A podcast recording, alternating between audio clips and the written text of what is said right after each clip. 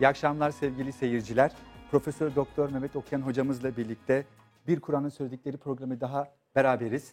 Ee, Bugün Mehmet Okuyan hocamızla beraber Profesör Doktor Canan Taslaman hocamız bizi kırmadı. Tekrar konuk oldu. Hocam hoş geldiniz. Hoş bulduk. İyisiniz inşallah. Teşekkürler hocam. Mehmet hocam sizler de iyisiniz. Elhamdülillah Allah razı olsun. Sağ olun. Programımız ben geçen programdan çok keyif almıştım. Vakti doğru kullanmak anlamında hemen sorulara geçiyorum. Çok iyi. Canan hocam Kur'an'ın anlattıklarıyla arkeolojik bulgular arasında paralellik veya bir uyuşmazlık var mı? Neden Müslümanım kitabınızda özellikle burada sebe toplumla ilgili ilginç söylenen şeyler var? Bunları biz seyircilerinizle bizlerle paylaşabilir misiniz? Tabii bu konuda da verilebilecek çok örneklik var. Ee, örnek olarak Sebe toplumunu alalım. Yani, yani Kur'an'ın anlattıklarıyla mesela diyelim ki Hz. Musa dönemi çok anlatır Kur'an. Hierogliflerle ortaya çıkan birçok şey işte yani o dönemle ilgili o şeyleri e, desteklerken buna aykırı bir şey o- olmadığı gözüküyor. Ee, Sebe toplumu da buradaki ilginç bir örnek. Kur'an Sebe toplumundan bahsediyor. Bunların bir arim seliyle yani bir barajın seliyle Seliyle. e, zarar gördükleri, medeniyetlerinin zarar gördüğünden bahsediyor. Ve buna karşılık işte bugün de bizim arkeolojik çalışmalara baktığımızda o dönemde gerçekten bir barajın yıkılmasıyla oradaki oluşan e, sorunu, felaketi görüyoruz. Şimdi Sebe toplumu Güney Arabistan'da yaşayan oranın en ileri uygarlıklarından birisi. En ileri uygarlıklarından olma e, sebeplerinden bir tanesi de Marib Barajı'ydı. Marib Barajı sayesinde bol bol ekin alıyorlardı ve bol bol aldıkları o ekinler onların zenginliğine zenginlik katıyordu. Bu barajın bazı arkeologlar 8. yüzyılda yapıldığını söylüyorlar. Şu anda kalıntıları da hala duruyor bu arada bu yıkılmış barajın. E, milattan önce 8. yüzyılda yapıldığını söylüyorlar. Yani Kur'an'ın vahyinden aşağı yukarı 1400 yıl önce Evet. yapılmış. Yani günümüzde Kur'an arasındaki e, mesafe kadar. Bazıları ondan da daha eskiye gittiğini aslında e, ilk yapılanların e, da söyleyenler var. Sonuçta burada bir baraj var. Bu barajın e, o dönemin en zengin toplumlarından birini Sebeler yaptığını biz e, işte birinci yüzyılda yazan tarihçiler Plinius gibi tarihçilerin kitaplarından, yazıtlarından veya Strabo yine birinci yüzyıl milattan önce birinci yüzyılda da Strabo var. Milattan sonra 1. yüzyılda e, Plinus. Bunların yazdıkları eserlerden de onların zenginliğini, onların işte bolca ürün almalarını, o barajı e, görüyoruz. Ve buradaki tabii önemli olan olay e, Kur'an'da barajın yıkılmasına dikkat çekilmesi ve gerçekten Kur'an'ın vahyinden önce bu baraj yıkılmıştı ve o toplum e, o zengin durumundan, o barajın yıkılmasından sonra e, o zengin konumlarını, o Plinus'la Strabo'nun anlattığı konumlarını kaybetmişti. Şimdi Kur'an'da buna atıf yapan 3 ayeti okuyayım. Sebe suresinin bunlar 15. 16. ve 17. ayetleri. Gerçekten de Sebe toplumunun mekanlarında da bir delil vardır. Bakın mekanlarına incelerseniz bir delil olduğunu söylüyor Kur'an. Sağdan ve soldan iki bahçeliydi. Bakın yine Kur'an iki bahçeli olduğunu söylüyor. Oraya gittiğinizde bunu kuzey ve güney diye sulanan iki ayrı alanın olduğunu görüyoruz. Yani Kur'an'da bahsedildiği gibi iki ayrı büyük alan var, e, bahçe var e, sulanan. Onlara şöyle demiştik. Rabbinizin rızkından yiyin ve ona şükredin. Güzel bir memleket ve bağışlayan bir Rab.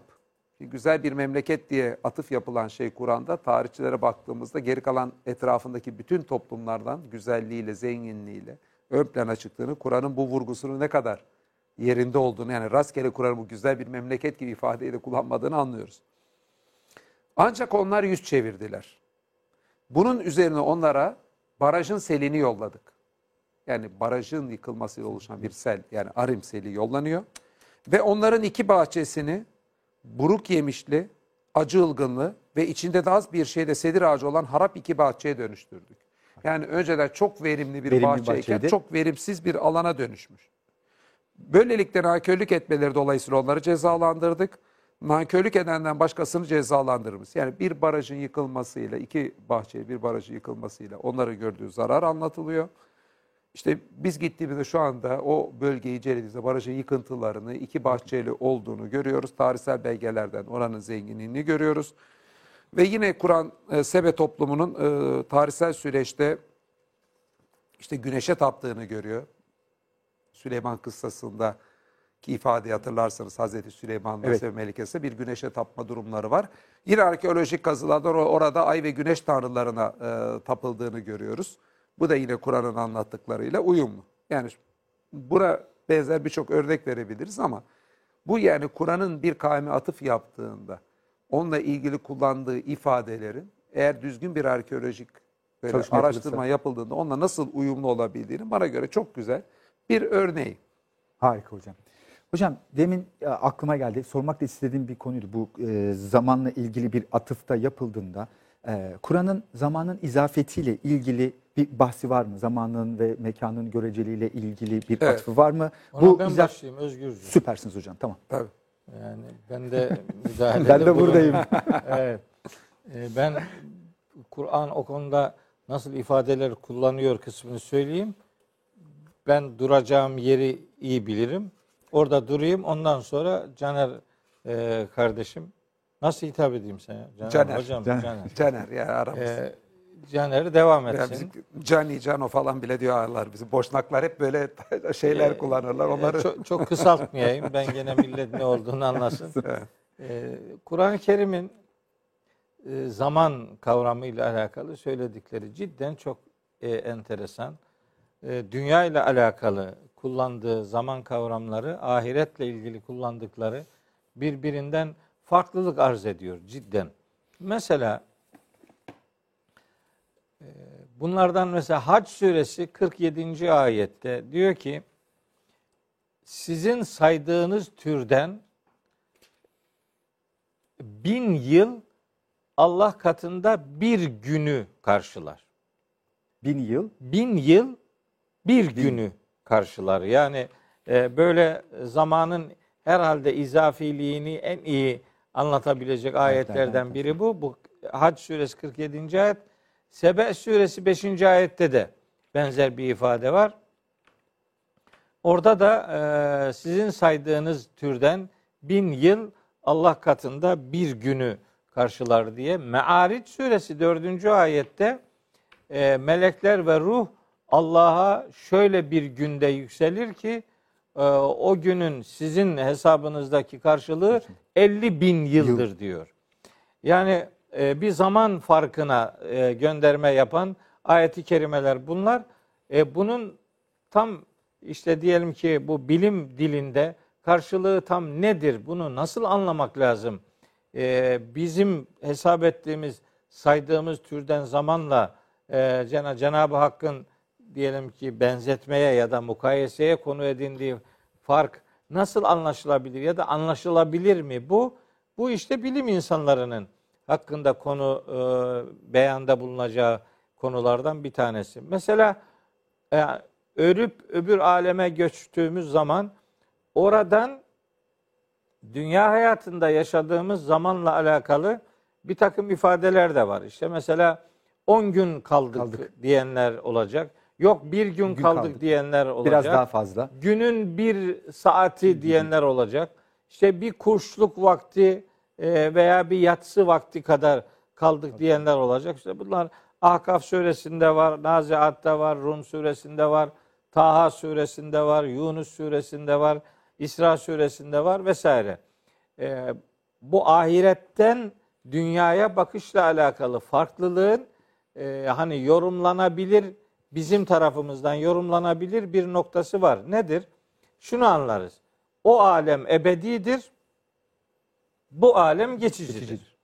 Dolayısıyla ebedi olan bir alemin içerisinden geçici olana baktığınız zaman ne olursa olsun burası çok kısa kabul edilecektir. Bunun uzun zaman diye orada mahşerdeki insanların buradaki hayatı uzun diye tanımlamasını gerektirecek bir e, durum olmayacak.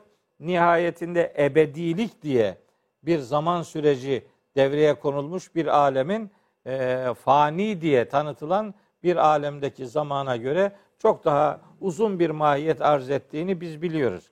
Bu bilim insanlarının hani benim böyle yorumlanabilir dediğim dünya ahiret hayatı noktasındaki mukayese nedeniyle söylediğimdir. Ama bu zamanın izafiliği, zamanın göreceliliği e, bilim insanlarının kafa yorması lazım gelen Hani bir gün bin yıl. Mesela böyle zaman ifadeleri var. Ee, mesela Hazreti Nuh'un yaşadığı zamanla alakalı işte binden 50, 50 eksik. eksik. ifadesi var. Bu 950 denmeyip de Neden neden, bin dendi? bin eksi 50 deniyor? Mesela onu yorumlama imkanı olabilir. Acaba e, o zamanın o dönemdeki insanların hani takvimi neyi karşılıyordu? Bu takvim bu son dönemdeki son diyelim ki 1500 yıldaki takvimle veya 2000 yıldaki takvimle nasıl bir mukayese yapılabilir?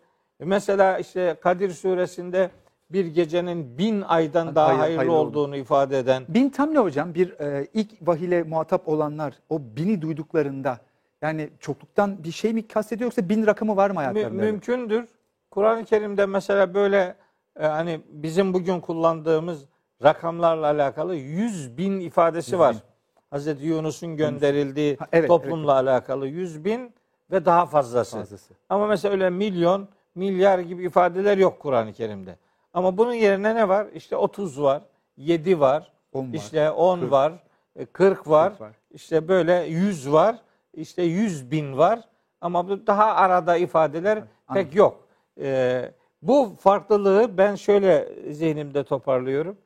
Yani demek ki e, zaman denen şey ister hani bin ay üzerinden söyleyeyim bu bazen çokluk manası da verebilir. Hani bu yedi kat gök ve yerin de bir o kadarı ifadesindeki yedi rakamının neyi karşıladığı veyahut işte Allah gökleri yeri altı evrede, altı Aşamada. günde yarattı. İşte o altı dönemden kasıt nedir? Bunun bugün bizim bildiğimiz güneş sistemindeki e, hani 24 saatlik bir zaman, Zaman dilimi dilimi, üzerinden mi acaba algılanacak? Henüz güneşin olmadığı bir dönemden söz edildiğine göre maksat bu değildir. Böyle zamana dair farklı kullanımlar var. Hepsini toparladığınız zaman zamanın zamanın e, izafiyeti, zamanın göreceliliği üzerinden önemli bir kapının aralandığı e, beyan edilebilir. Bunu Allahu Teala mesela rüyalar üzerinden de aslında bize hatırlatır. Bugünkü bilimsel bir takım ifadelerle ya da iddialarla bu ne kadar ispat edilir bilemiyorum. Mesela o en uzun rüyaların 5-6 saniyelik Evet hocam. olduğu beyan ediliyor. Halbuki orada bir sürü olay size gösteriliyor işte rüyada ama maksimum süresi işte 5-10 saniyeden öteye geçmiyor. Anlaşılıyor ki bu zaman denen şeyde bir görecelilik mutlaka var. Ve Kur'an-ı Kerim bu noktada bizim bence önümüzü açan, bize bir hedef konu başlığı veren bilim insanlarına da bunun neyi karşıladığı sorusunu cevaplayabileceği önemli bir konu başlığı sunduğu kanaatindeyim. Acizane ayetlerin toparlandığında önümüze böyle bir manzara çıkıyor. İçin detayı, ayrıntısı nedir? Onu e, işte Caner Tabii. kardeşim ifade Yok edecek. şimdi hocam bunun anlaşılmasının önemini ne diyebiliriz? Yani öncelikle e, şunu söyleyeyim. Yani izafiyet teorisi e, günümüz bilimi açısından çok çok önemli. Çok önemli, evet. Ama izafiyet teorisi ne zaman anlaşıldı? Yani farklı yerlerde zamanın farklı geçtiği bilimsel olarak ne zaman anlaşıldı? Hani Kur'an'da ayetlerde işaret ediliyordu da ama bunu bilim de ne zaman anladı dersek bu 20. yüzyılın başlangıcı. Einstein'ın ortaya koyduğu makalelerle e, anlaşıldı. Ve sonra defalarca deneysel olarak test edildi ve doğrulandı. Mesela CERN'de yapılan şu andaki deneylerde bu defalarca test ediliyor. Şu elimizdeki cep telefonlarının işlemesi bile uyduya, şeylerin çıkışı, e, işte sinyallerin gelişleri bile hep izafiyet teorisini e, göz önünde bulundurularak e, gerçekleştiriliyor bunların işletilmesi. Şöyle bir örnek verebilirim izafiyetin, zaman izafiyetinin anlaşılması için. İşte 300 kardeşler olsa bunlardan bir tanesini Jüpiter'in üstüne göndersek orada yaşasa, bir tanesini de ışık hızına yakın bir uzay aracının içine koysak, dolansa sonra bu 300'ler e, bir süre sonra buluşsalar, bir 20 yıl, dünyadaki 20 yıl sonra buluşsalar, bir bakarsanız Yaşlı. e- en yaşlısı dünyadaki olur. Evet. Niye? Çünkü izafiyet teorisi ortaya koyduğu şey yer çekimi arttıkça zaman yavaşlıyor çekim arttıkça. Yani Jüpiter'dekinin yaşı daha genç olur dünyadakine göre. Işık hızının üstüne biten orada da zaman yani hız da arttıkça zaman yavaşlıyor. Ee, ışık hızına yakın seyahat eden de yaşlanmış olur. Dünyadaki garibim en yaşlısı olur. Diğer ikisi daha genç olurlardı. Ha şimdi bu yani böyle bilim yani deneysel bilimle izafiyet teorisinin formülleri desteklendi. Ha bunu evvela e, yazmak önemli. Bunu anlamak neyi gösteriyor? Bir, demin hocamın söylediği miktarı 50 bin yıl süren bir gün, miktarı bin yıl süren bir gün, Kur'an'ın farklı yer bir dönemin kimi zaman 50 bin yıl, kimi zaman bin yıl olabileceği gibi ifade edeni bir daha iyi anlaşılmasını sağlıyor. Bu açıdan önemli. İkincisi şunun için önemli. Biz felsefede mesela bazen şöyle sorular rastlıyoruz din felsefesinde. Ya insan diyelim ki insanın imtihanı bu kadar önemli. E, insanın dünyadaki varlığı çok yeni. Dünya 4,5 milyar yıllık, evren 13,8 milyar yıllık. Allah niye bu kadar çok bekledi? Sanki burada şey yanılgısı oluyor bu, bu tip sorular soruşta. Sanki Allah da zamanın içinde bekliyormuş gibi bir yanılgı. İnsan Bu süresi aslında uzun bir süre Tabii. geçmemiş miydi diyor değil mi hocam? Deher gibi bir kelime Tabii. kullanırsam. O insanın üzerinden ama yani Allah Hin, hin ve dehr kelimelerini kullanıyor. Dehr çok daha Tabii. e, uzun bir zaman. Hin onun içinden belli bir zaman kesiti. tabii. O ayrımı yapıyor. evet. İnsanın anılmaya değer bir şey olmamasından beri geçen dönem uzun zaman ama sonuçta burada şunu anlamak önemli bence konuları net anlamak için. Evrenin yaratılması eşittir aynı zamanda bu evrenin zamanının yaratılması. Mekandan söz etmemiz gerekmiyor mu hocam? Yani Tabii. zaman dediğimiz anda bir mekan da var değil mi? Fiziği mümkün kılan zaman ve Tabii. mekan beraber konuşulması Tabii gerekiyor. şimdi yani şimdi birçok kimsenin düşüncesi şöyleydi ama daha önce. Yani zaman adeta bir fon. Evren bu zamanın içinde bir yerde ortaya çıkıyor ve devam ediyor. Yani e, zaman evrenden etkilenmeyen bir şey, bağımsız fon zannediliyordu. Anladım. Ondan işte çekim gücü ve hız arttıkça zamanın algınısı değişikliğini anlamak şu açıdan önemli. Zaman demek ki evrene içkin bir şey. Bir fon değil. Fon olsaydı herkes için aynı şekilde geçerdi. Ha, bunu anlayınca neyi anlıyoruz? İşte şimdi burası önemli. Ya Kur'an ayetlerinin ifadesini anlamanın yanında. Allah'ın evrenin zamanına tabi olmamasını daha iyi anlıyoruz. Allah'ın evreni. Tabii çünkü Allah'ın tabi. evreni yaratması eşittir Allah'ın bu evrenin de zamanını yaratması. Ha Allah nasıl ki biz o zaman bu evrenin evreni yaratan dünyasına, güneşine, Jüpiter'ine bağımlı olmadan bunlara hakim olduğunu anlıyoruz. Aynı şeyi zaman içinde anlamamız lazım.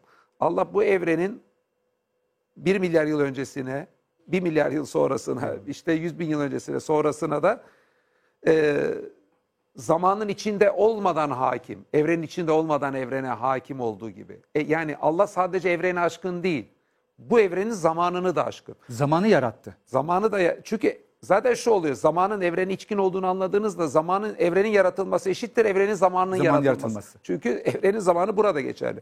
O zaman işte demek ki soru anlamsızlaşıyor. Yani Allah ev, beklemiyor ki Allah için beklemek diye Beklemek söz yok ki. konusu. Ben onu şuna benziyor. Bazı işte internetteki videoları düşünün. Bir videoyu bir saatte izleyebiliyoruz. O videoyu kimi zaman hızlandırıp yarım saatte de izleyebiliriz. Çok hızlı bakabilen bir zeka daha hızlandırıp 15 dakikada da izleyebilir. Veyahut da çok çok hızlı yapsanız bir dakikada da. Veya bütün kareleri aynı anda koysanız ona bir anda da bakabilirsiniz. Hani siz videonun zamanına bağımlı değilseniz videonun dışında e, olduğunuz hesaba katılmalıdır. Allah da ben yani burada tabii bir teşbih var. Allah yaratıcısı biz videonun yaratıcısı değiliz. Ha, Allah yarattığı evrenin zamanına tabi değil. O zaman Allah Mahkumu niye bek ha, niye bekledi sorusunu sormak anlamsız. Doğru. Allah evrenin zamanına tabi olsaydı öyle bir soru geçerli olurdu.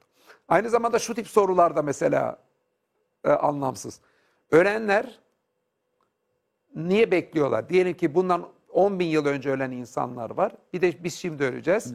Evrenin sonundaki o saat gelene kadar işte kıyamet süreci başlayana kadar niye öbür 10 bin yıl fazla bekliyor? Bekliyor. Ha, o ruhlar için de bekleme diye bir şey söz konusu değil. Demin Kur'an'daki hocamın ayeti dediği gibi ahirette insanlar bir gün veya bunun az bir süresi kadar kaldık diyorlar. Kimsenin zaman hissetmesi diye, zamanın içinde beklemesi diye bir şey yok. Çünkü mekanda değil artık burada. Ha, bunun anlaşılması niye önemli? Bence bu iyi anlaşılmadığı için birçok kimse kabir azabını uydurmuş. Uu, oraya geçtik. Tabii şimdi yani niye? Eğer ki oradakiler 10 bin yıl falan beklediğini düşünürseniz 10 bin yıl işkence 10 çekecek bin orada. yıl bekliyor buradaki bin. Bu aradaki adam 10 bin yıl boyunca ne yapacak? E yazık değil mi yok olsun falan. Çok uzun bir gözaltı süresi. Hani gibi. zamana tabi bir şekilde düşününce belki ölmüşleri o zaman bir kabir azabı diye bir şey icat ediyorsunuz Kur'an'da olmayan. Kabir hayatı üstelik. Tabii Azab, evet. azabı hayatı var hayatında da neler var onlara da girmiyorum. E, kabir hayatı Allah'ın bilemeyeceğiniz dediği şey istiyor. işte evet yani olmayan bir hayat dönem icat ediyorsunuz. Bu niye aslında zaman algısını anlamamadır. İslam'ın ilk döneminde Mutezile ve birçok kimse kabir azabının olmadığını söylemiş. Mehmet Hocam da bu dönemde onunla ilgili bir kitap yazdı. Merak edenler Mehmet Hocam'ın kitabından da okusunlar. Ee, ama bunun bile bence çıkmasının altında İslam'ın ilk dönemlerinden biri bunun olmadığını Kur'an'da, İslam'da olmadığını söyleyenlere karşı olmasının sebebi işte bu zaman algısının yani izafiliğinin iyi anlaşılması. Kısacası zamanın izafiliğinin anlaşılması Kur'an ayetlerinin yanında başka birçok hususun anlaşılmasının, Allah'ın zamana tabi olmadığının, e, ölmüş ruhları zamana tabi olarak düşünmemiz için bir sebep olmadığı gibi hususları anlamamıza da katkısı olacaktır. Çok güzel.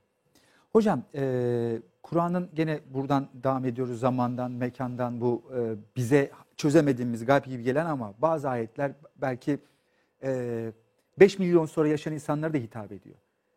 Şu an anlamıyorum ama belki o zamanki seviyemle anlayabileceğim ayetler de vardır. Mesela olağanüstü ifadelerden bir tanesi burada önümde açık Enbiya suresinin 32. ayetinden biz göğü korunmuş bir tavan yaptık.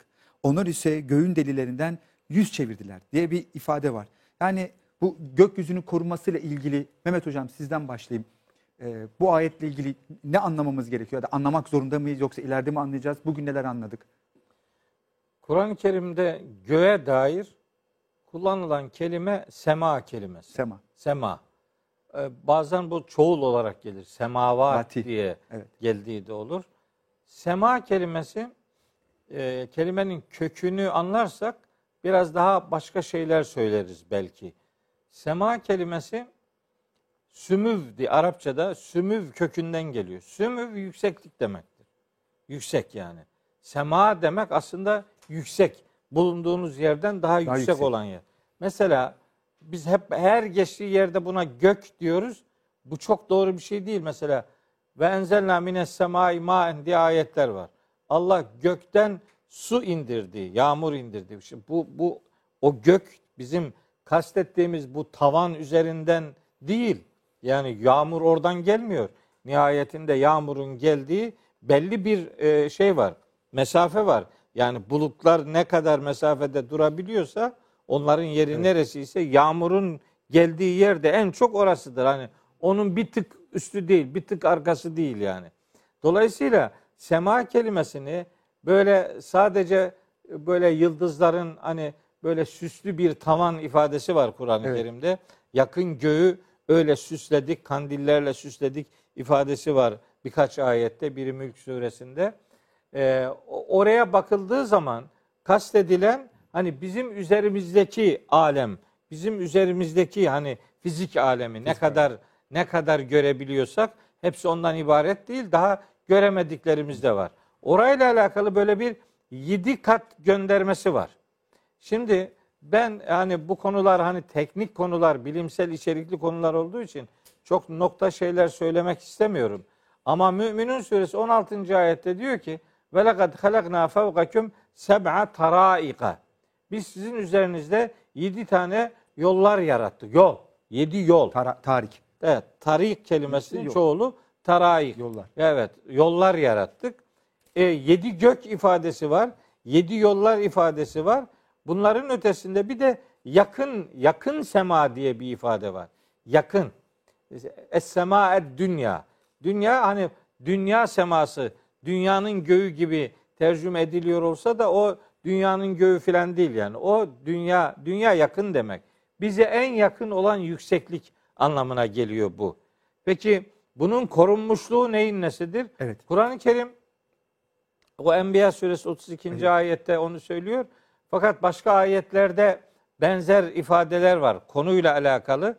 Mesela bunlardan bir tanesi Fatır suresinde Allahü Teala buyuruyor ki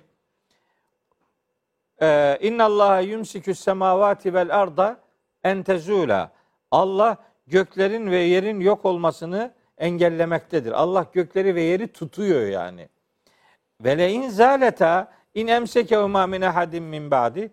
Onlar yok olurlarsa Allah'tan başka hiç kimse onları kendi sistemlerinde tutamaz. Yani Allah'ın sisteme, e, uzay sistemine, bizim yukarımızdaki aleme her an müdahil olduğunu gösteren, onu kendi kudretiyle tuttuğunu ifade eden ayet-i kerime var. Bunun nasıl bir tutma olduğu, yani o göğün nasıl korunduğu, varlığını nasıl muhafaza Muhafaza ettiği ettiğini- nihayetinde bilimin konusudur. Ama Fatır suresi 41. ayette onları Allah'ın tuttuğu ifade ediliyor. Başka bir ayet Hac suresinin eee, şu ayeti kerimesi surenin 56. ayeti Hac diye hatırlıyorum. Bir saniye 56 olmayabilir. Surenin eee 65. ayeti. 65 Görmedin mi Allah yerdeki her şeyi vurunca deniz yüzen gemileri hizmetine. Ha, Gövde ve kendi yumsikü yüzünü- se- ha yerin göğü yerin üzerine düşmekten o tutuyor. Göğü kendi izni onu yer, Yerin üzerine düşmekten tutuyor. Yani düşmüyor. Yani o gök dediğimiz, yukarı alem dediğimiz mesela oradan herhangi bir diyelim ki yıldız veya herhangi bir gök cismi, gezegen düşmüyor buraya. Allah sistemi kurdu. Bu sistem hani bugünlerde yeni bilimsel ifadelerle işte gezegenler arasında işte e, itme e, gücü, işte merkez kaç kuvveti bilmem bir takım kuvvetlerle izah edilmeye gayret ediliyor. Bizim Kur'an'dan anladığımız sistemi Allah'ın yarattığı ve Cenab-ı Hakk'ın o yarattığı sistemi yarattığı e, ölçülere uygun olarak varlığını sürdürmesini sağladığı yönündedir. Bunun nasıl gerçekleştiği, bunun nasıl e, yani hangi fizik kurallarıyla, hangi hangi kanunlarla bunun gerçekleştiği işte bilimin konusudur. Burada bilim insanları, Müslüman bilim insanları olsa daha iyi ama değilse de Evet. diğer insanlara da o kapı kapalı değildir. Son 100 yılda hatta son 200 yılda o kapı diğer Müslüman olmayanlara ardına kadar açık duruyor. Ee, bunu da Kur'an-ı Kerim haber veriyor. Kaf suresinde diyor ki Efelem yanzuru ile semai fevkahum keyfe beneynaha.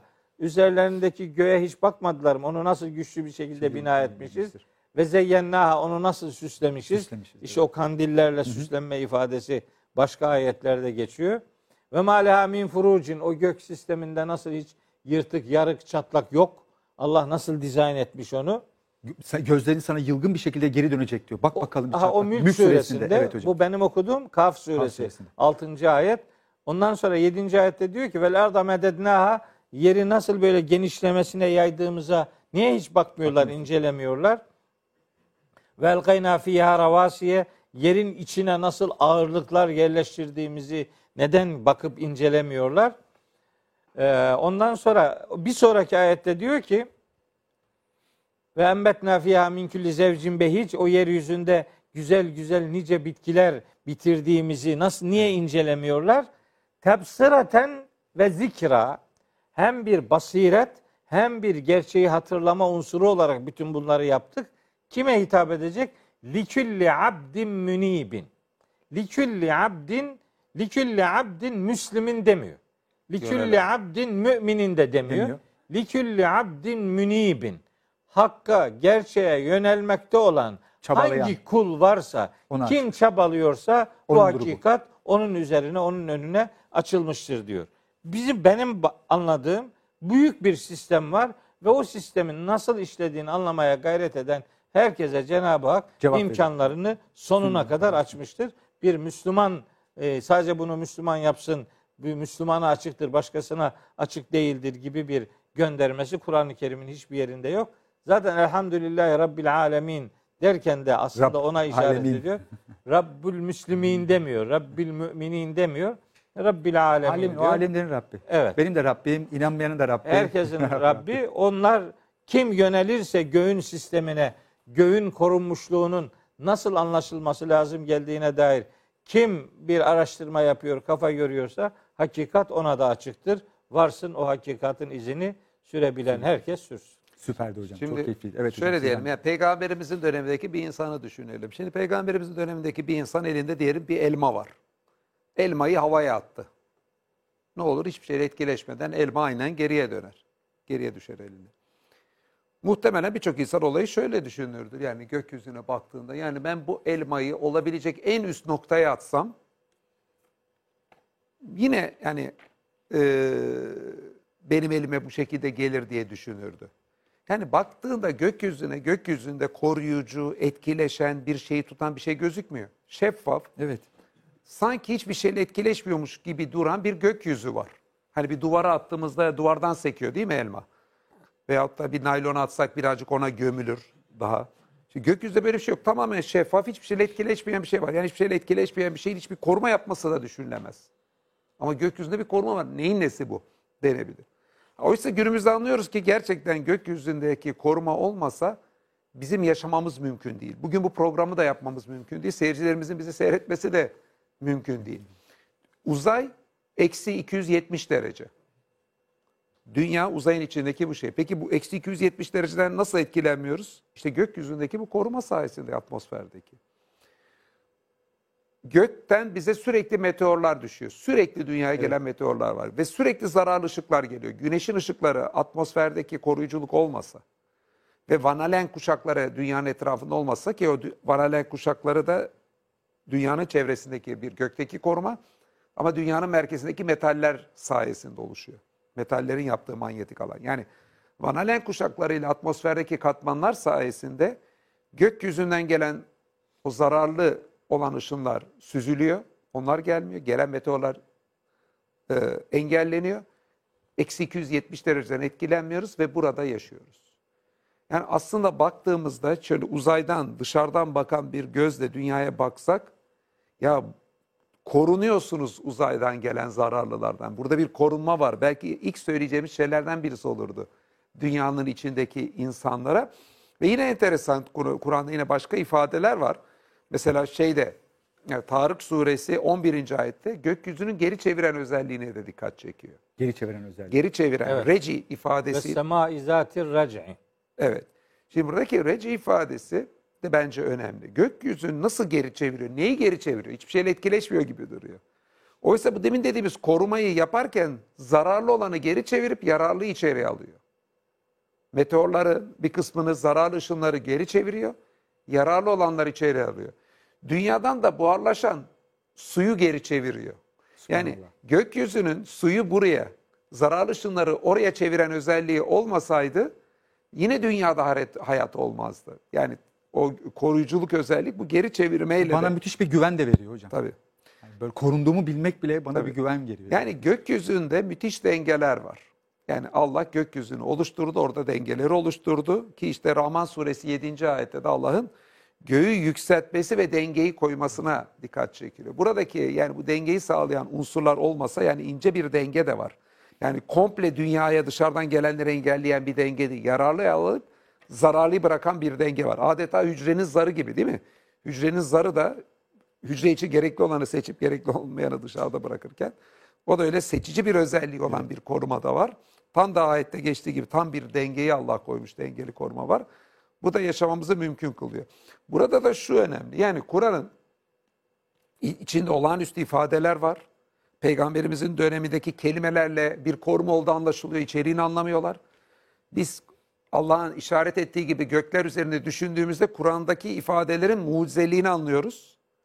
Diğer taraftan anladığımız sadece Kur'an'daki mucizeler de değil. Yani Kur'an'da hiçbir mucizevi ifade sadece mucize var al sana bak diye verilmiş şeyler değil. Bunun üzerine tefekkür ettiğimizde Allah'ın kudretini, sanatını, insanlara merhametini anlıyoruz. Değil mi? Bu gökyüzündeki korumaya dikkat çektiğimizde Allah'ın ne kadar çok şeyi bizim bu dünyadaki yaşantımız için ayarladığı, ne kadar çok şeyin unsurun arka arkaya getirilmesi sayesinde bizim burada böyle rahatça konuşup sevdiklerimizle beraber gezebildiğimiz, yatabildiğimiz, yemek yiyebildiğimiz, içebildiğimizi anlıyoruz. Sırf gökyüzündeki koruma eksikliğinin hepsi duruyor. Daha bir sürü başka şeyler var. Evet. Bu olmasa hepsi duruyor dediğimiz. Bu da onlardan birisi. Yani bu ayetler üzerine ve evren üzerine düşününce hem Kur'an ayetlerin mucizeliğini anlıyoruz hem de aynı zamanda Allah'ın kudretini, sanatını ve insanlara merhametini Gücünü, anlıyoruz. Kudretini, oradaki. Ben sanki hocam şey gibi biraz böyle yani göremediğimiz fiziği ve e, matematiği mümkün kılan ama kendisi fizik olmayan, fizikle açıklanamayan bir şey var orada. Çünkü fiziksel bir koruma var benim üzerimde. Yani Van Allen kuşağından bahsettiniz. Yüksek orbitler 1500 kilometre çıkıyor. Bu kuşaktan nasıl biz çıkıyoruz? Bir de o da hep kafamda şey Yani oldu. bunlar fizikle açıklanabiliyor. Fakat fizik bize fiziğin bir yaratıcısı olması, fiziği Olması aşkın bir evet. yaratıcısı olması gerektiğini de gösteriyor. Fiziği mümkün kılan bir Tabii. metafizik Ha, var. Ona da tabii. teslim alıyorum. Ona Zaten o yüzden de metafizik fiziği ötesi demek. Aristoteles'ten Tabii, tabii, geliyor Aristotel ifade. Ve ilk felsefe diye de kimisi İlk işte bizde alıyor ve Aristoteles işte eğer felsefe nasıl en önemli kısmının orası olduğunu söylüyor. Tabii en önemli kısmın orası olduğunun söylenmesi bizim İslam düşünürlerinde çoğu tekrar etmiştir bunu. Nedeni anlaşılır. Çünkü geri kalan her şeyin kökeni burada. Yani biz insanı inceliyoruz, insanın biyolojisini, yapısını inceliyoruz ama sonuçta bunun kökeni yaratıcının bunları hediye etmesinde. Gökleri inceliyoruz, evreni inceliyoruz. Bunun kökü Allah'ın bunları vermesinde. Yani Kur'an'ın işte buradaki oluşturduğu mantık da çok önemli. Kur'an yani fiziğin işaret ettiği alana, biyolojiye, canlılara ve birçok alana işaret ediyor. Buralardaki bilgiyi tüm bunların yaratıcısıyla birleştirecek bir zihin inşa ediyor. Şimdi günümüzde okuduğumuz birçok ders kitaplarında, okullarda, belgesellerde izlediğimiz şeyler çok önemli. Çok önemli bilgiler. Fakat eğer ki bunları siz yaratıcıyla birleştiren bir zihne sahip değilseniz, ki Kur'an işte onu yapıyor ayetlerinde, bu bakış açısına sahip değilseniz en nihai evrenin gayesinden kopartıp her şeyi anlıyorsunuz. Yani insanından kalbini, beynini kopartıp insan bedeni ne kadar anlamsızlaşacaksa aynı şekilde canlılar üzerine, evren üzerine bilimin ortaya sunduğu bilgiler muazzam. Fakat evrenin yaratıcısından bunların hediye olduğunu, evrenin yaratıcısı sayesinde bunlara sahip olduğumuzu anlamıyorsak, içimizdeki minnet hissi, şükran hissi ve Allah'a karşı sevgi hissi harekete geçmiyorsa o zaman bütün bunların hepsi Kendisi bilimin tamamen. verdikleri kuru kalacaktır. Bence gerekli temeli bulmayacak. Harika. Son hocam programdan dolayı bir sorum var. O Mehmet hocamla devam edeyim isterseniz. Ben buna bir şey daha ilave edeyim. Ee, nasıl korunuyorla alakalı bir e, ev ödevi, insanlığa bir ev ödevi olarak görülebilecek e, iki tane ayet-i kerime var. Bu ayetlerden bir tanesi Rahat suresi 2. ayet, Evet. bir tanesi de Lokman suresi 10. ayet. Orada gökler göklerle alakalı çok bana göre çok sıra dışı bir ifade var. İki türlü tercüme edilebiliyor. İki türlü tercümenin birinde e, e, böyleymiş zaten buna inanın diyor geçe, geçebilirsiniz. Çok da başka bir kafa yormazsınız ama bir tercüme türü daha var. Ona göre eğer ayetleri anlarsanız önünüze devasa bir alan çıkıyor. İşte tam bilim insanlarının kafa yorması gereken bir alan. Ayetlerin ikisini birleştirerek ifade edeyim. İşte halakas semavati bi gayri amedin teravnaha ve Allahu lezî rafa'as semavati bi gayri amedin teravnaha. Birinde Allah yarattı diyor, birinde yükseltti diyor. Diyor. Hani o Rahman suresindeki ifade gibi ve sema rafa'aha Allah göğü yükseltti ve vada'al mizan Ve dünyanın ölçüyü koydu. Dünyanın başlangıcında aslında bu atmosfer de yok. Yani bütün bunları koruyucu tabakalar yok. Sonradan oluşuyor. Dünyanın başlangıcında meteorlar geliyor. Gerçek yükseltilme de sonradır. Onu da tam ayetle ilave edeyim kaybolmasın. Ee, evet şimdi ben ayetin tercümesi şöyle e, Özgürcüğüm. Hangisi hocam? Rum şeyde mi? Rad suresi mi? Lokman mı? İkisini beraber. 2'de e, Lokman 10'da. Onda. Birinde yarattı diyor, birinde yükseltti, Yükseltti diyor. diyor.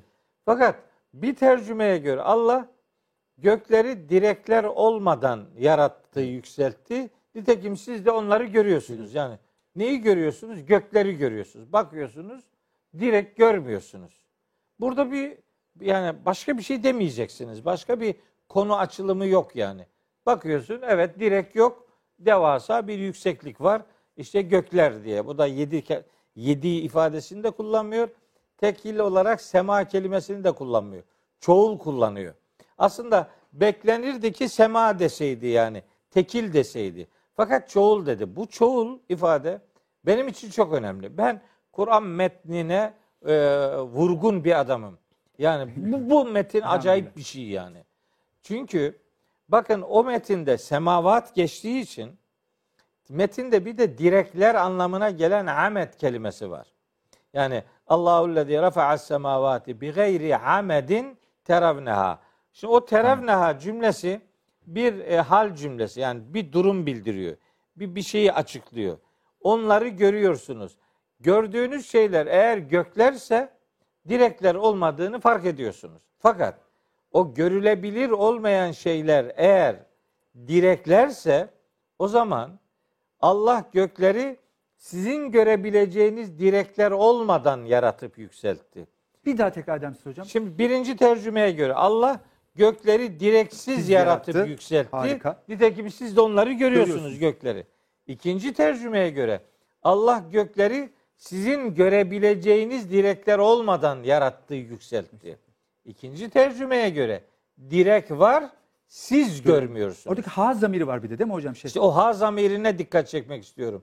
O ha zamiri Arapçada zamir her dilde olduğu gibi zamirler kendinden önceki bir kelimeyi görmelidir. Bazen öyle olur ki o zamir kendinden önceki iki kelimeyi de görebilir. Anladım. Öyle durumlarda iki kelimeyi görebiliyorsa kural önce zamire yakın olan kelime hangisi ise onunu onunla ilişkilendirmektir. Tamam. Eğer uzaktakiyle ilişkilendirecekseniz ayrı bir delile ihtiyacınız var. Şimdi burada ha zamiri direklere yakındır. Gökler bir ötededir. öteki. Anladım. Siz şimdi kural olarak onu direklere e, ilişkili gördüğünüz zaman Allah gökleri sizin görebileceğiniz direkler olmadan yaratıp Bir yükseltti. şey söyleyeyim hocam buradan bir ayete gireyim.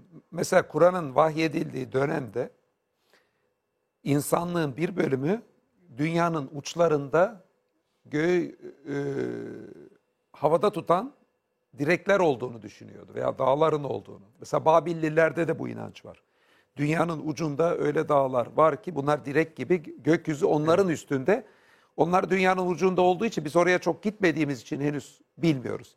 Yani Kur'an'ın vahyedildiği dönemde aslında gerçek anlamında direklerin olup gökyüzünü havada tuttuğunu düşünenler vardı. Ha, bugün zaten buna inanan dünyada hiç kimse yok. Onu iptal Kur- ediyor dönemi Ama tabii. Kur'an'ın indiği dönemde ona benzer hatta bizim tefsircilerin çoğu bizim gördüğümüz değil dünyanın ucunda direkler var demişler. Yani ben bazı tefsirlerde de onu gördüm. Bazı tefsirler Kur'an'da direk yoktur gördüğünüz demesine razı mı? Bizim bu gördüğümüz alanla sınırlı öbür alanda görebileceğimiz direkler var diyen tefsirciler bile olmuş Kur'an'ın açık ibası göre. Çünkü akılları gökyüzünün bir direk olmadan havada durmasını anlamamışlar. Caner hocam çok teşekkürler. Yani, hocam nasıl geçti zaman anlamadım. Bitti Süremiz mi? Bitti. Bitti hocam. bitti. Caner hocamı bir daha alacağız. Hatta Ruhun Yedi Çığlığı kitabının üzerine de inşallah şeyimiz Tabii. olursa konuşuruz. Bu yeni de çıktı kitabımız. Evet. Ondan sonra biraz da girdik aslında sevgi Tabii, anlam tabii. arayışı üzerimizde. Ee, bir Kur'an'ın söylediği programla daha e, bugün veda ediyoruz. Caner hocamız, Profesör Doktor Caner Tasam hocamız konumuzdu. Söz alın değil mi Mehmet hocam? Bir kez daha alırız. Bitmez Tabii, burada. tabii. Benden söz almanıza gerek yok. Siz gelin dediğiniz biz koşarız zaten. Tekrardan olun çok abi. teşekkür ederiz. Bir dahaki programda görüşme dileğiyle.